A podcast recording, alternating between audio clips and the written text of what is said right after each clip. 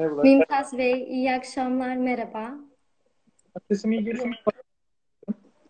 Hocam, e, Mümtaz Bey, biraz ses sıkıntısı var galiba. Sizde biraz, Ses ediyorum.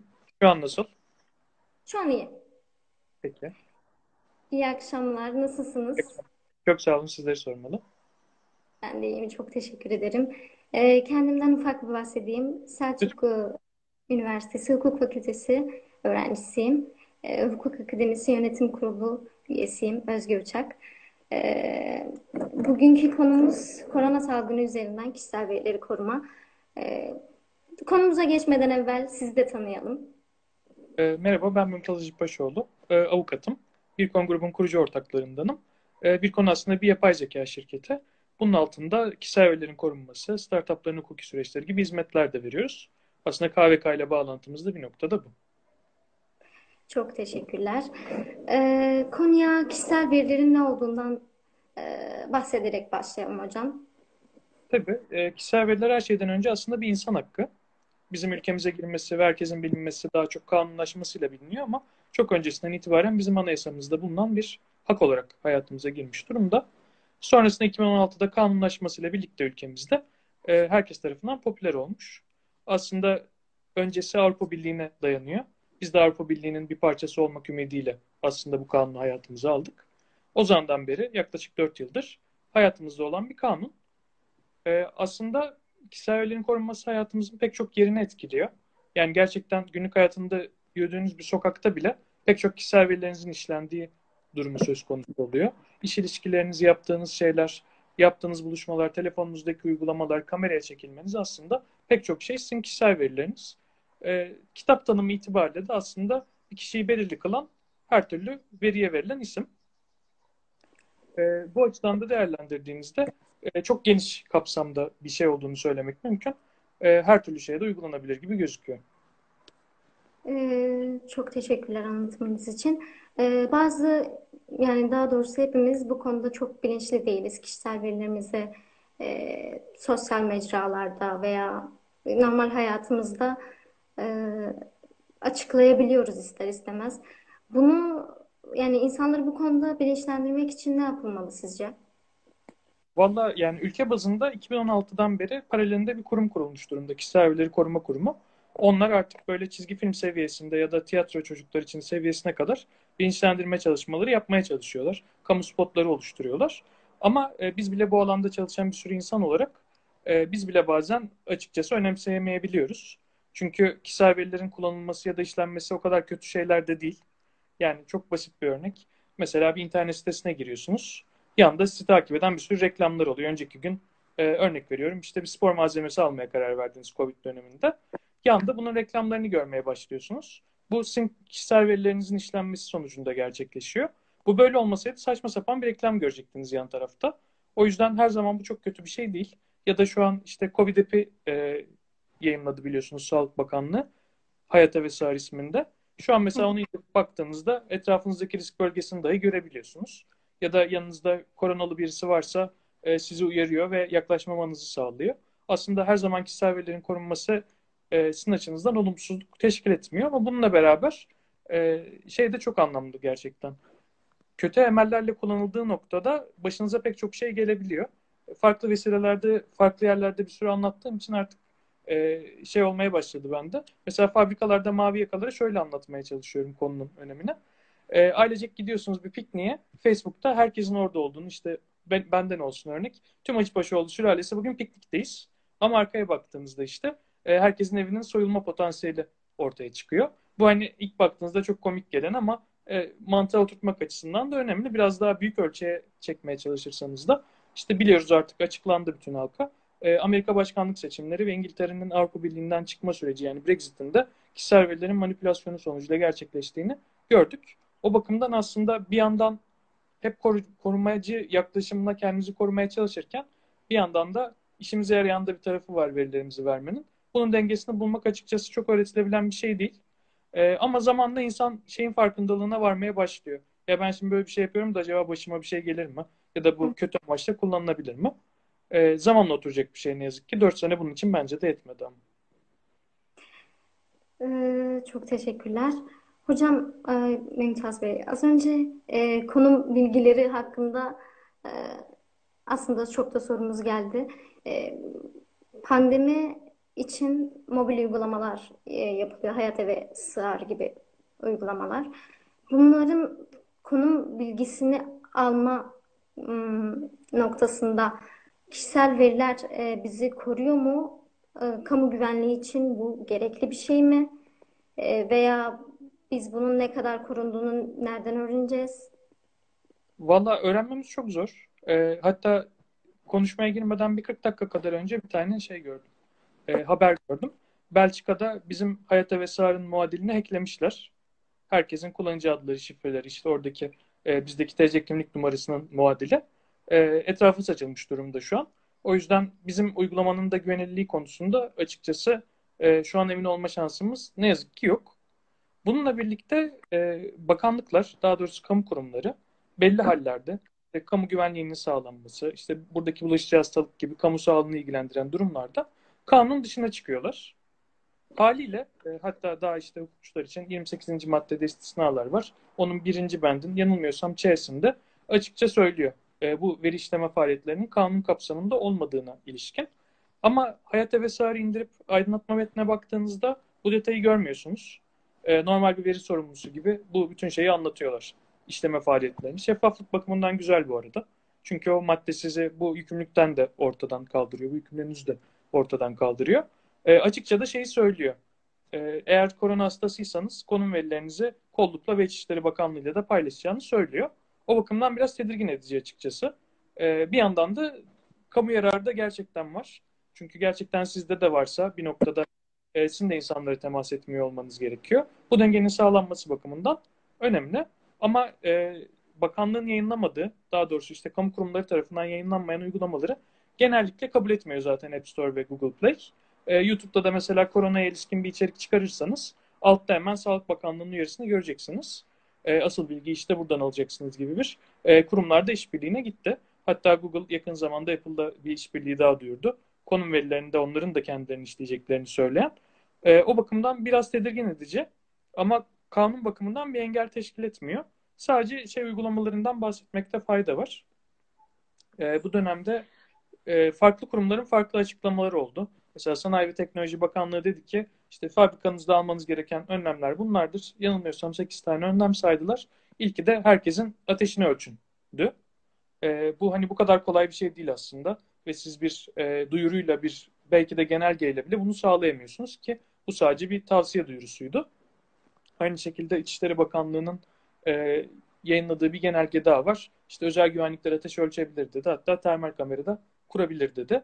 E, bunlara baktığınızda bu bir ilk başta söylediğim gibi insan hakkı olduğu için anayasamız gereği sadece kanunla düzenlenebiliyor. Evet böyle zor zamanlarda zor önlemlerin alınması gerektiğinin farkındayım.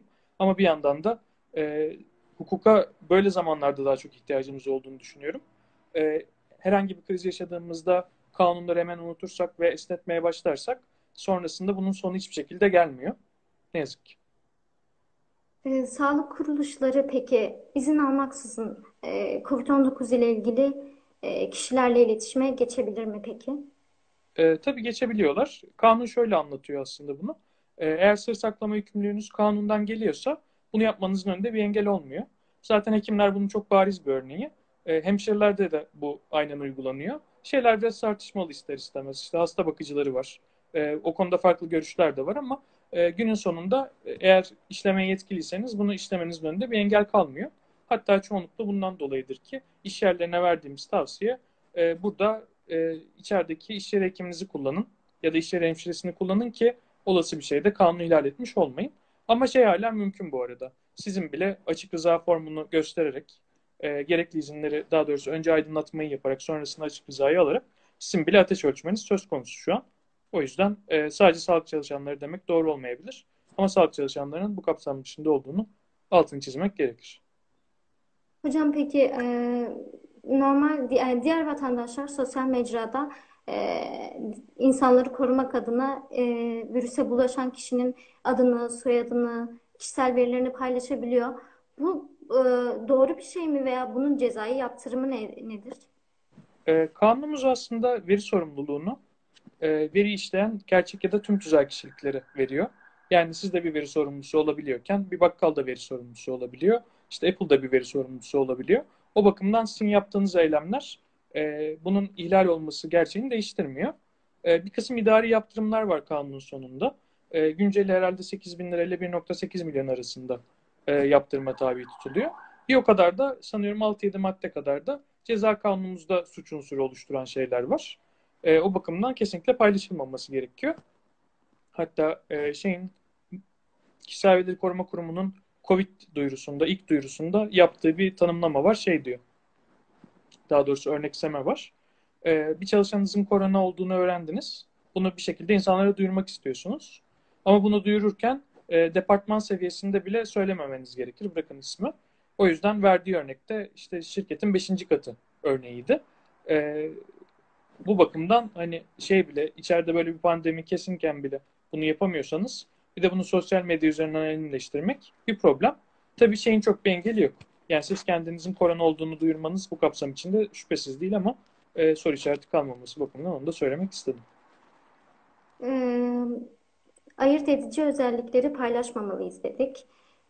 O, bir işveren peki bir çalışanıyla e, ilgili yani seyahat e, yaptığı veya mevcut sağlık bilgisini alabilir mi?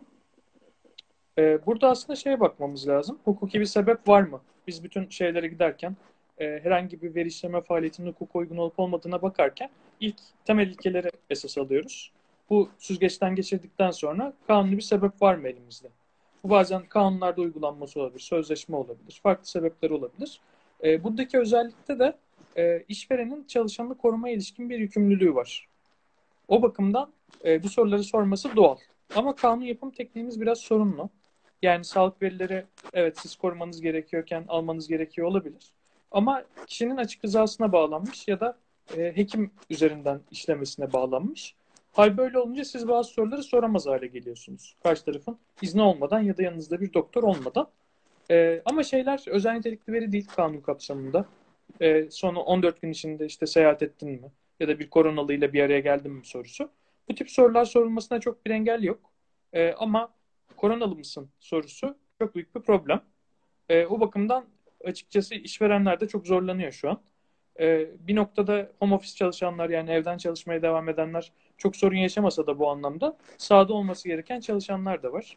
İşte bugün bile İstanbul'da mesela şey var. Sokağa çıkma yasağı var. Ama işte ekmek satanlar, fırınlar, e, eczaneler, e, işte farklı şeyler. E, gerçi bugün pazar kuryeler bugün açık değil e, sokakta olmaya devam ediyor. İşte güvenlik görevlileri de aynı şekilde, basın mensupları da aynı şekilde. E, onlar bakımından bir şeyleri belirlemek daha zorlaşabiliyor diyebilirim. Ee, peki hocam, sağlık kuruluşları o soruyu sorduk. Ha, e, korona e, sürecinde kişisel verilerimiz daha önemli hale geldi diyebilir miyiz? Valla ben öyle düşünüyorum ama insanlarda ve kurumlarda ya şimdi biz canımızla uğraşıyoruz kişisel veri mi kaldı gibi bir refleks oluştu ister istemez. Hatta birisi benim bu konudaki paylaşımda dalga geçmek için şey demiş. Nuh tufanı olsa işte gemi yapım yönetmeliğini açıklarsınız Mümtaz Bey demiş. Ee, ama bunun arkasında gerçekten yani çok felsefi ve çok anayasal bir temel var. Ee, gerçekten korunması gereken bir şey. Ee, biz sonuçta mahremiyeti korumaya çalışan bir kanun bu her şeyin ötesinde. Ve siz koronalı olduğunuzu insanlara duyurmak istemiyor olabilirsiniz ya da buna ilişkin ticari durumunuz da riske giriyor olabilir. Örnek veriyorum bir sporcusunuzdur ve şu an akciğerinizde bir kalıntı kalıp kalmadığını e, yeteri kadar tespit edemiyoruz. E, edemiyorlar daha doğrusu. E, o bakımdan mesela spor kariyeriniz bundan zarar görüyor olabilir. Ama siz bunu herkese duyurmak istemiyor olabilirsiniz. E, bu tip şeyler bakımından risk oluşturuyor açıkçası. Peki. Hocam bir de son kanun düzenlemesindeki biraz e, son kanun düzenlemesini konuşalım. Ee, KVKK'nın yayınladığı duyuru kapsamında COVID-19 ile mücadelede. Bunu e, insanlara daha nasıl yayabiliriz sizce? Yani çok kişinin bundan haberi yok. Ee, yani şey söylemek doğru olabilir e, düzeltmek bakımından. Ek bir düzenleme gelmedi kanuna şimdilik. E, yakın zamanda böyle bir şeyin gelmesini bekliyoruz. Çünkü e, kurum ne yazık ki bazı şeyleri cevaplandırmayarak e, bir takım şeyleri açıkta bırakıyor. E, ve demin saydığım bazı örnekler vardı. İşte Sanayi Bakanlığı'nın, İçişleri Bakanlığı'nın yaptıkları iki açıklama var. Bunları daha doğrusu üç açıklama var. E, bunları incelediğinizde bunları herhangi bir referans ya da atıf göremiyorsunuz. E, bu tip şeyleri bir noktada açık bırakmayı tercih ettiler. E, ve bu şey oluşturuyor ister istemez. İnsanların ne yapacağını bilme konusunda sorun oluşturuyor. E, ilk yaptıkları açıklamayı okursanız hatta buna ilişkin bir tweet paylaşmıştım. E, İngiltere'nin veri koruma otoritesi ICO'nun e, rehberini neredeyse birebir Türkçeleştirmişler ve yanına da kanuna ilişkin e, böyle ufak şeyler eklemişler. Hani bu bizim kanunumuzda da şöyledir gibi. Yani neredeyse birebir çeviri yapmışlar. Soru sırasını bile değiştirmemişler. E, bu açıkçası insanların ne yapacağını anlama konusunda daha zorlaştırıyor. E, diğer otoritelere baktığınızda çok detaylı açıklamalar görebiliyorsunuz. E, bizde o açıkçası biraz zayıf kaldı. Bizi de üzüyor. E, bunu yaymak için ne yapabilirizin adı ne yazık ki biraz bu tip yayınları arttırmak. Bu tip içeriklerin paylaşmasını sağlamak. Biz mesela bir konu olarak bir COVID-19 bülteni yayınladık. E, orada kurumdan daha uzun tartıştık konuyu. Çünkü içinde bir sürü şey de var aslında. Anayasal durum var, e, bulaşıcı hastalık mevzuatı var, onun yönetmelikleri var, sağlık mevzuatında bir şeyler var. E, kurum hiç bu detaylara girmeden evet işleyebilir deyip geçti. Ama hani bize sorarsanız, bana sorarsanız e, içinde tartışılması gereken çok fazla şey vardı. E, ama burada e, şeye bakmak lazım bir noktada. Kamu yararı için, genel menfaat için olan şey, doğru olan şey nedir? Mümkün olduğunca bu bilincin arttırılması ve insanların bunun farkındalığına varması.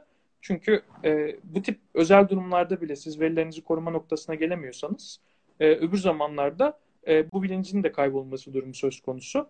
E, neyse alıntıyı yapmayayım vazgeçtim. E, ama şey önemli gerçekten. Özellikle böyle zor zamanlarda bu tip e, mahremiyete dayalı şeylerin önemi daha da artıyor. E, bunu kaybetmememiz gerekiyor bir noktada. Ee, bir de e, uygulamalar uygulamalar uygulamalara giriş yapmadan aydınlatma metinleri veriliyor veya işte e, kişinin açık e, rızası isteniyor. Bunların dili ne kadar e, sade, ne kadar şeffaf? Normal insanlar bunları anlayabiliyor mu? Veya sadeleştirilmeli mi? Bu konuda kendimizi geliştirmeli miyiz? Evet. Hem hayat ve konusunda söyleyebileceklerim var hem de genel bu aydınlatma tekniği bakımından söyleyebileceklerim var. Açıkçası şey olarak değerlendirmek lazım. E, aydınlatma tebliğinin ya da işte kişisel verileri aydınlatmanın amacı insanların gerçekten aydınlanması. Yani siz bir metin yazıyorsunuz e, sayfalarca ve birileri onu okumaya çalıştığında bunun hiçbir bağlantısını kuramıyor. Okuduğunuz çoğu metinleri de şey olarak görürsünüz. Şu şu verilerini istiyorum, şu şu sebepler, şu maddeleri atıf yapar, ben de buyum gibi. Bu hani uzaktan baktığınızda aydınlatma tebliği açısından e, teknik açıdan yanlış değildir. Yani ne yazık ki aydınlan, aydınlatma tebliği size hangi veri istediğinizi söylemek gibi bir zorunluluk getirmiyor. Niye koymazsınız bilmiyorum bunu. E, ama bunu yapmayınca da işin gerçekten ruhuna aykırı bir şey yapmış oluyorsunuz. Ya da bunu bir e, çorbaya çevirdiğinizde. Biz mesela mümkün olduğunca şey yapmaya çalışıyoruz. Hangi veri, hangi sebeple, hangi hukuki amaçla, birilerine aktarılıyor mu, ne kadar saklanıyor? Mümkün olduğunca bunu tablolaştırarak, bazen infografikler haline getirerek, bazen e, en temel şeyleri yazıp kademeli aydınlatma dedikleri QR kod vesilesiyle. Hani bakın en temel veriler bunlar ama mesela şey gibi düşünün. E, bir çalışan ilişkisini düşünün arka tarafta.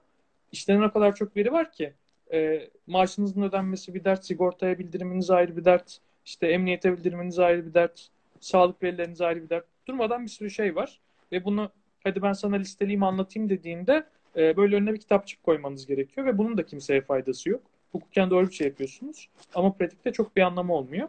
Biz mesela bazı yerlerde iki, bazı yerlerde üç kademeye bölmek durumunda kaldık ve gerçekten e, o aydınlatmayı doğru seviyede yapmak istiyorsanız iş bir noktada çığırından çıkıyor. Çünkü işte bir fabrikadaki e, formenler yani ustabaşıları da e, başka koşullara tabi olabiliyor. Beyaz yakalar da olabiliyor. Mavi yakalar da olabiliyor. Destek personeli falan derken herkesi farklı aydınlatmaya çalışıyorsunuz. O da bir yerden sonra iyice karmaşıklaştırıyor her şeyi. O yüzden özü şu aslında. Mümkün olduğunca e, zorunlu olanları yani zorunlu derken teknik bir zorunluluktan bahsetmiyorum.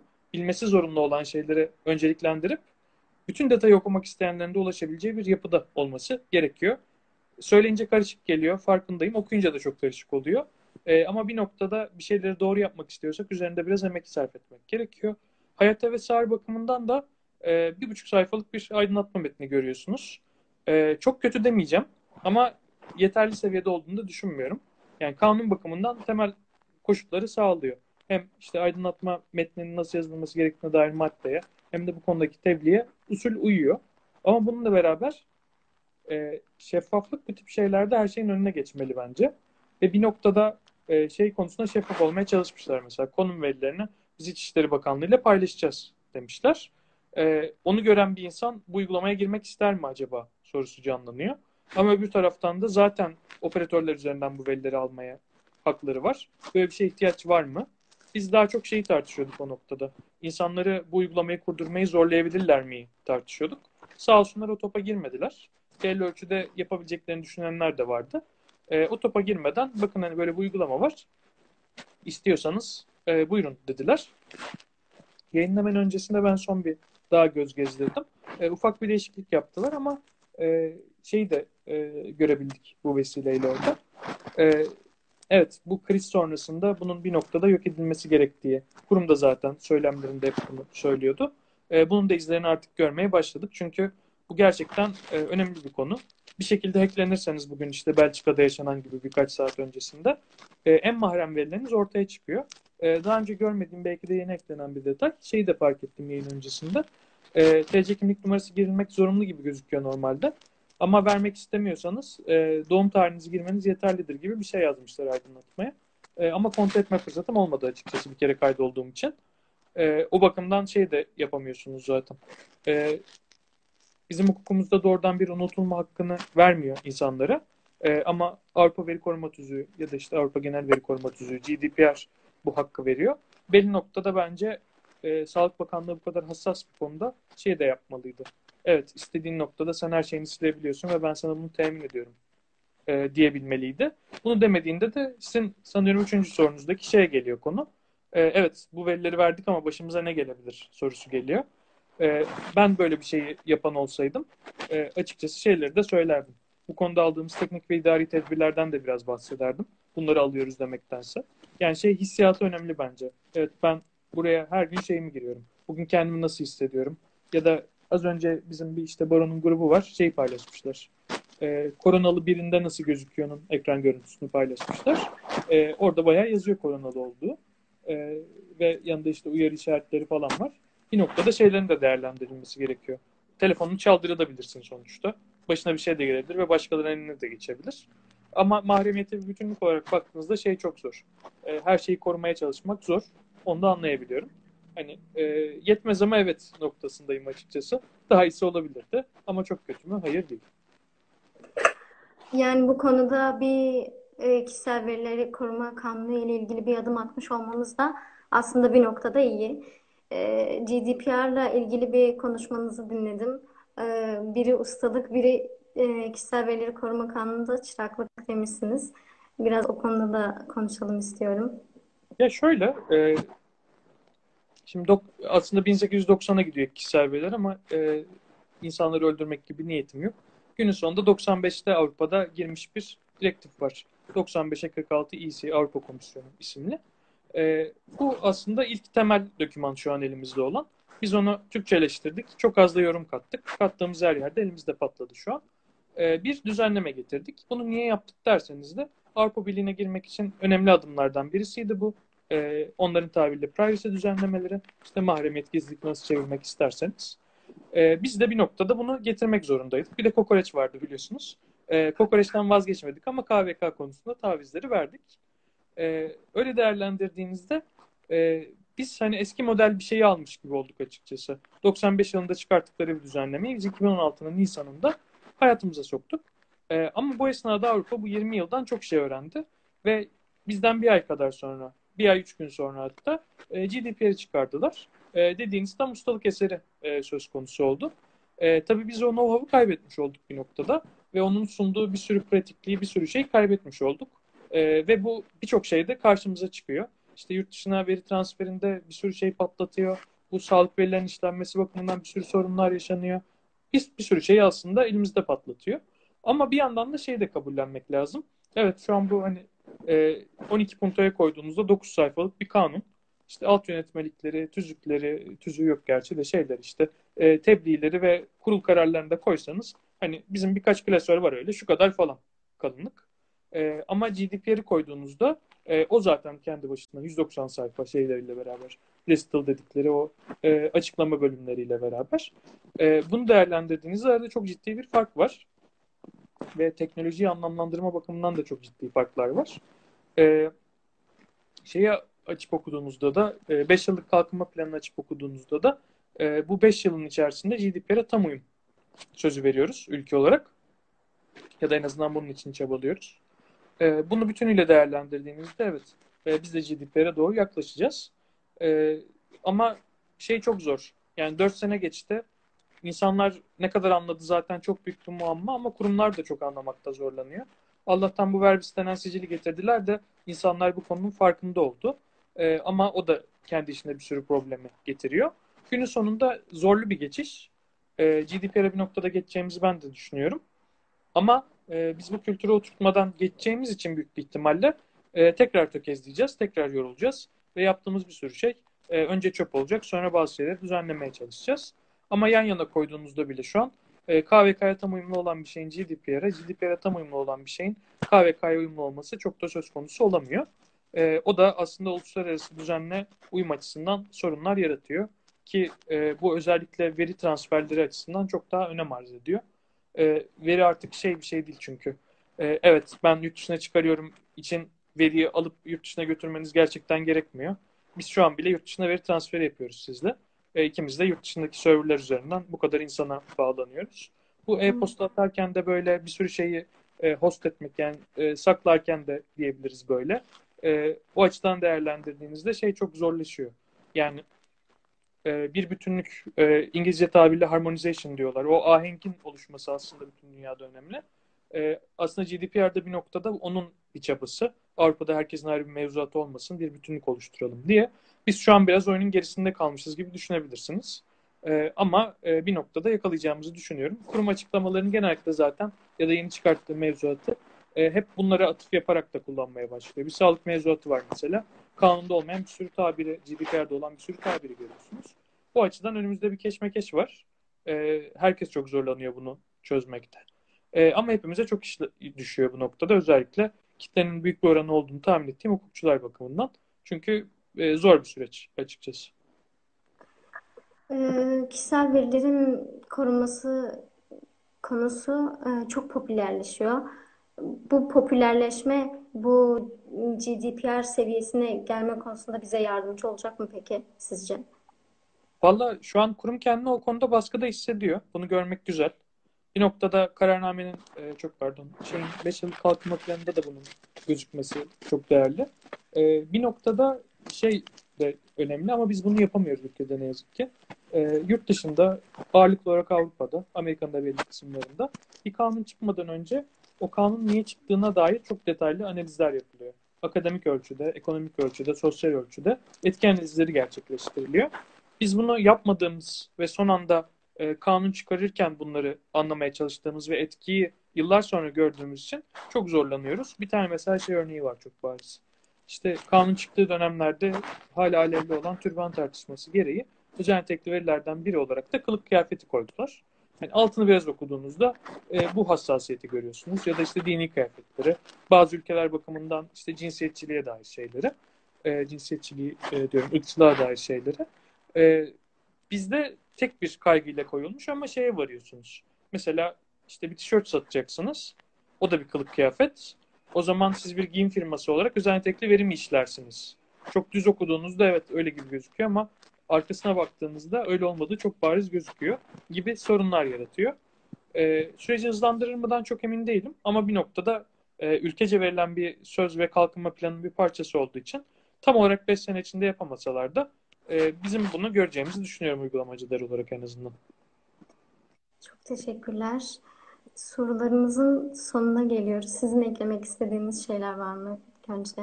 Sorularımızı söyleyebilirim. Ee, bir üniversite kulübü olması itibariyle günün sonunda e, çok bu alanda çalışma potansiyeli olan insan var şu an izleyenler arasında diye öngörüyorum. E, çok yeni bir alan. ve külliyatı ister istemez çok eski olmayan bir alan. Evet hani 1890'a gidebileceğini de söyledim size ama 95 hani ya da 2016'yı mihenk taşı olarak kabul ederseniz çok fazla da e, okunacak şey yok aslında. Yani baktığınızda dediğim, dediğim gibi şu kadar bir klasörden bahsediyoruz. Ve hani biz kanun ilk çıktığından beri hatta öncesinden beri bu alanda çalışan bir firma olarak e, bizi daha iyi yakalamanız çok uzun bir süre değil aslında. E, tabii ki bir sürü nüans var içeride. Teknik tarafı bilmenin getirdiği avantajlar, farklı sektörlerde, farklı ölçeklerde proje geliştirmenin ama günün sonunda şeyi yan yana koyduğunuzda yani çok iyi bir iş hukukçusu olmakla, çok iyi bir kişisel verilerci olmak ya da çok iyi bir ticaretçi olmakla, çok iyi bir KVK'cı olmayı yan, yan yana koyduğunuzda e, iyi bir KVK'cı olma ihtimaliniz zaman olarak çok daha kolay. Ve ister istemez bu alanda çalışan insanlar bu alanda çok tecrübeli insanlar değil. Çünkü tecrübe edinebilecekleri yer sadece yurt dışıydı o noktada. E, ve herkes şu an Covid için evdeyken e, şey güzel bir fırsat. Evde oturup çalışabilmek, bu konuyu daha derinlemesine okuyabilmek güzel bir fırsat. E, o bakımdan e, kitleye bunu da hatırlatmak isterim. E, bir noktada rekabet avantajı yaratabileceğiniz bir alan. Ve evet şu an oyun projelerinin bir kısmı bitmiş gibi gözüküyor. E, ama hani bir sürüsünün içinde olan biri olarak ve bir sürü batmış projeyi alıp yeniden ayağa kaldırmaya çalışan bir ekibin parçası olarak şeyi görebiliyorum. E, yapılan işlerin büyük bir kısmı ne yazık ki arınan nitelikte değil. Şu an bu e, gün yüzüne çıkmadı. Ama danışmanlık işleri böyledir genellikle. Bir şey kötü yapmanız birkaç sene sonra patlar. E, o bakımdan bence dinleyen bütün Erzurum bakımından burada önemli bir e, fırsat söz konusu. E, değerlendirilebilir. Çünkü e, bir noktada çok eski neslin girmek istemediği bir alan. Çünkü çok fazla teknikle, çok fazla teknolojiyle, çok fazla siber güvenliğiyle, çok fazla günceli takip etmeyle e, iştigal eden bir alan. Ve e, pazarı da çok geniş. Ama insanlar şeyi de anlamakta çok zorlanıyor. E, bu iş bin lira eder mi, bir milyon lira eder mi, yüz bin lira mı eder? Hangi ölçekte nasıl yapılır? Bir de yaşanan bir problem. E, bu konuda ne yazık ki bu bir kanun olduğu için e, danışmanlığı vermek avukatlara mahsus olması gerekiyor. Ama iş sağlığı güvenlikçilerinden tutun e, belli yerlerde esnaflara kadar e, herkes artık KVK danışmanı olmuş durumda. E, o açıdan baktığınızda da şey e, bir noktadan sonra kimin çok kötü iş yaptığı gözükeceği için e, bir temizlenme gelecek ve bu alanda hazır olanları e, ben en az 6-7 sene daha e, sorunsuz bir tırnak içinde ekmek kapısı görüyorum. E, uzmanlaşmak için bence keyifli bir alan. Bilişim hukukunun tabii ki bir alt dalı. Bu tek başına bir alan olarak belki değerlendirilemez. Ama bir bütün olarak baktığınızda e, bence çalışması çok keyifli ve dinamik bir alan. Ben onu soracaktım. Ee, bu alanı bilişim e, bilişimle aslında çok e, e, etkileşimi olan bir alan. E, hukukçular bilişim konusunda da kendine ek olarak geliştirmeli mi veya e, sadece hukuk okumak yeter mi bu alanda uzmanlaşmak için veya başka alanlar var mı bu konuda? Valla hem evet hem hayır sorunuzun cevabı. Bir noktada temel şeyleri bilmiyorsanız e, aynı lisanı konuşamaz hale geliyorsunuz. Çünkü özellikle teknik insanlarda e, bir şeyleri Türkçeleştirme kaygısı ya da bir şeyleri basite indirgeme kaygısı yok. Yani onlar için Git'e pushluyorsanız Git'e pushluyorsunuz. Ya da işte server side'da bir şeyler oluyor onlar için. E, bu tip e, jargonun çok ağır kullanıldığı ve e, bu yazılım yaşam döngüsünün içinde çok olduğunuz bir alan. O yüzden bence şey şansınız yok. Ben bunu temel düzeyde de olsa anlamayacağım gibi bir şansınız yok. Ama bununla beraber e, çok iyi teknik uzmanlar var, iyi güvenlikçiler var. E, benim de o noktada bir şansım Virkon'un bir parçası olmak. Çünkü işte bir ileri teknoloji firmasıyız biz. İçeride teknolojinin farklı yönlerinden anlayan işte savunma sanayinde bile daha güvenlik alanında çalışmış insanlar var. Ya da işte robotların güvenliğinde çalışmış insanlar var. O yüzden biz hani sırf bir hukukçu perspektifiyle değil daha geniş bir perspektifle bakabiliyoruz. Ama bunu yapmak için illaki yanınızda mühendisler olması gerekmiyor. E, bunu danışmanlık olarak da çözebilirsiniz. Ortak projeler yaparak da çözebilirsiniz. Biz o konuda e, biraz şanslıydık. E, ama e, bana sorarsanız çok kaçarımız yok. Ya ben teknolojiden anlamayayım diye. Altta sorular da açıldı galiba. Gelmeye başladı bir noktada. Onda e, şey Zoom uygulaması ile ilgili tartışmalar var demiş bir arkadaşımız. Bu konuda ne düşünüyorsunuz? Kişisel verileri açık ettiği konusunda. Valla şöyle e, her sistem bir noktada e, saldırıya açık. Yani siz ne kadar iyi bir savunma yapısı koysanız bir noktada kırılmaya müsait hale geliyor.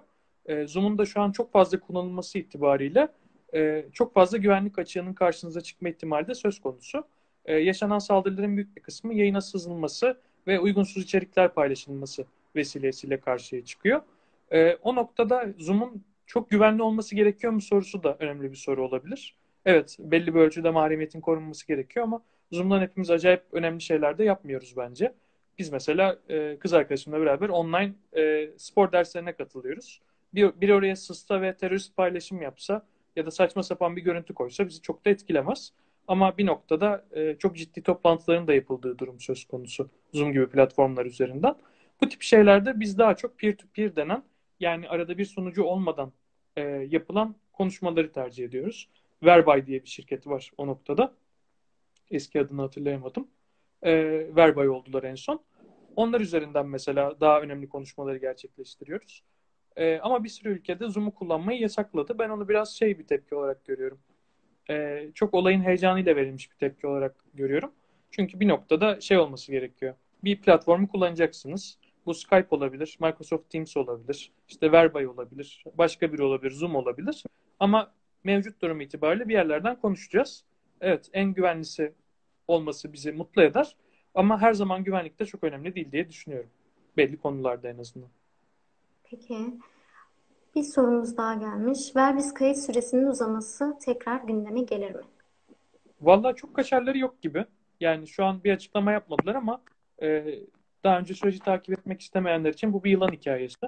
E, üçüncü uzatma dönemindeyiz şu an. E, aslında neredeyse bir buçuk sene kadar önce bu iş bitecekti. Bir buçuk sene çok iddialı oldu. Bir sene kadar önce.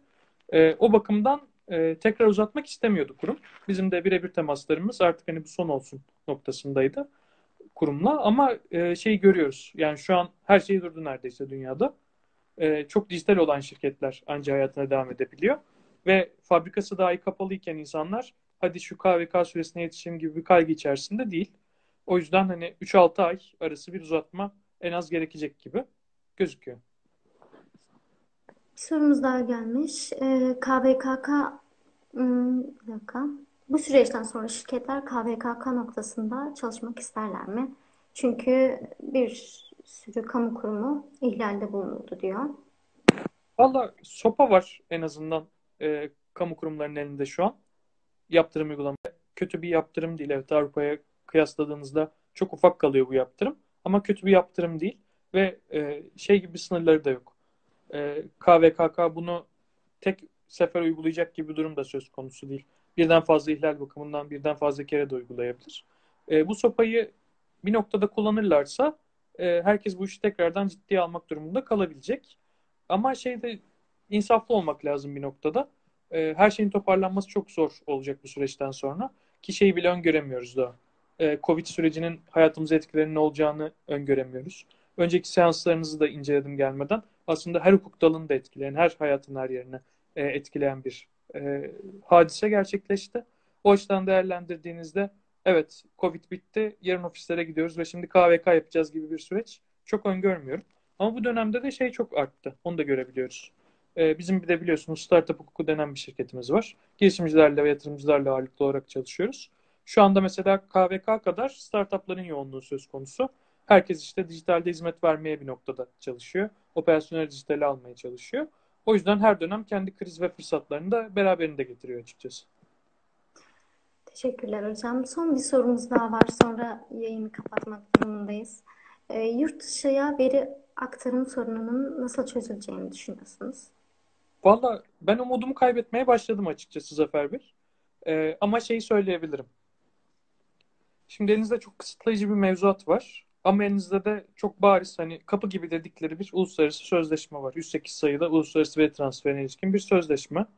Bu da hukukçular bilir. Anayasamızın 95. maddesi gereğince kanun hükmünde şu an. Ve bunu uygulamamak için kurumun elinde hiçbir sebep yok.